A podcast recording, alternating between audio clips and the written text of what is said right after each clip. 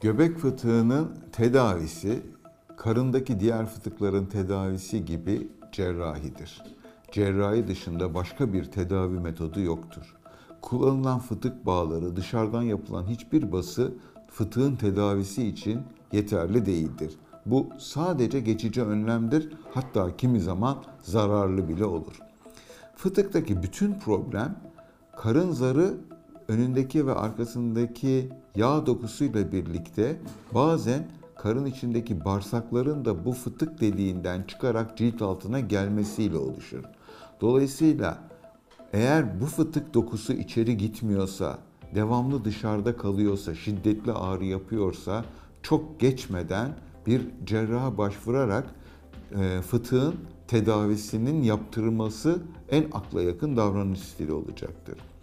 Eğer burada uymamız gereken bir süreç var ise bu süreç fıtık varsa ve ameliyat için mecburen beklememiz gerekiyorsa yapmamız gereken iş ağır yük kaldırmamak, ıkınmamak, aşırı öksürmemek ve e, karın içi basıncını arttıracağımız her koşuldan uzak durmaktır.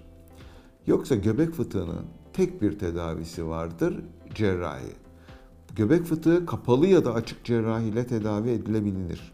Açık cerrahilerde göbek deliğinin hemen altından daha sonra gözükmeyecek şekilde yapılan minik bir kesiyle girilip göbek fıtığı ortaya konur. Oradaki delik, fasya dediğimiz sert dokunun içi, üstünde oluşan o açıklık önce karşılıklı dikilerek kapatılıp üstüne vücudun kabul edeceği genellikle bugün günümüzde prolen denilen bir materyalden kullanılan ama farklı materyallerle de yapılan yapay bir yama ile kapatılıp sonra tekrar cilt kapatılır.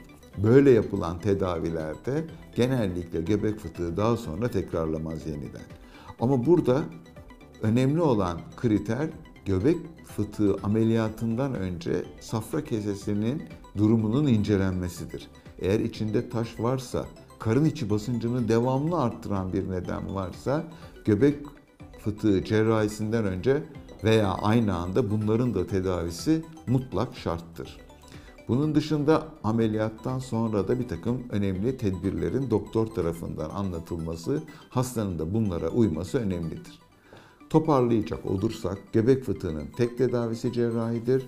Cerrahide artık yama dediğimiz, meş dediğimiz vücut tarafından kabul edilen, reddedilmeyen bir takım materyallerle onarım yapmak ameliyattan sonra tekrarlamayı önleme açısından mutlak şarttır.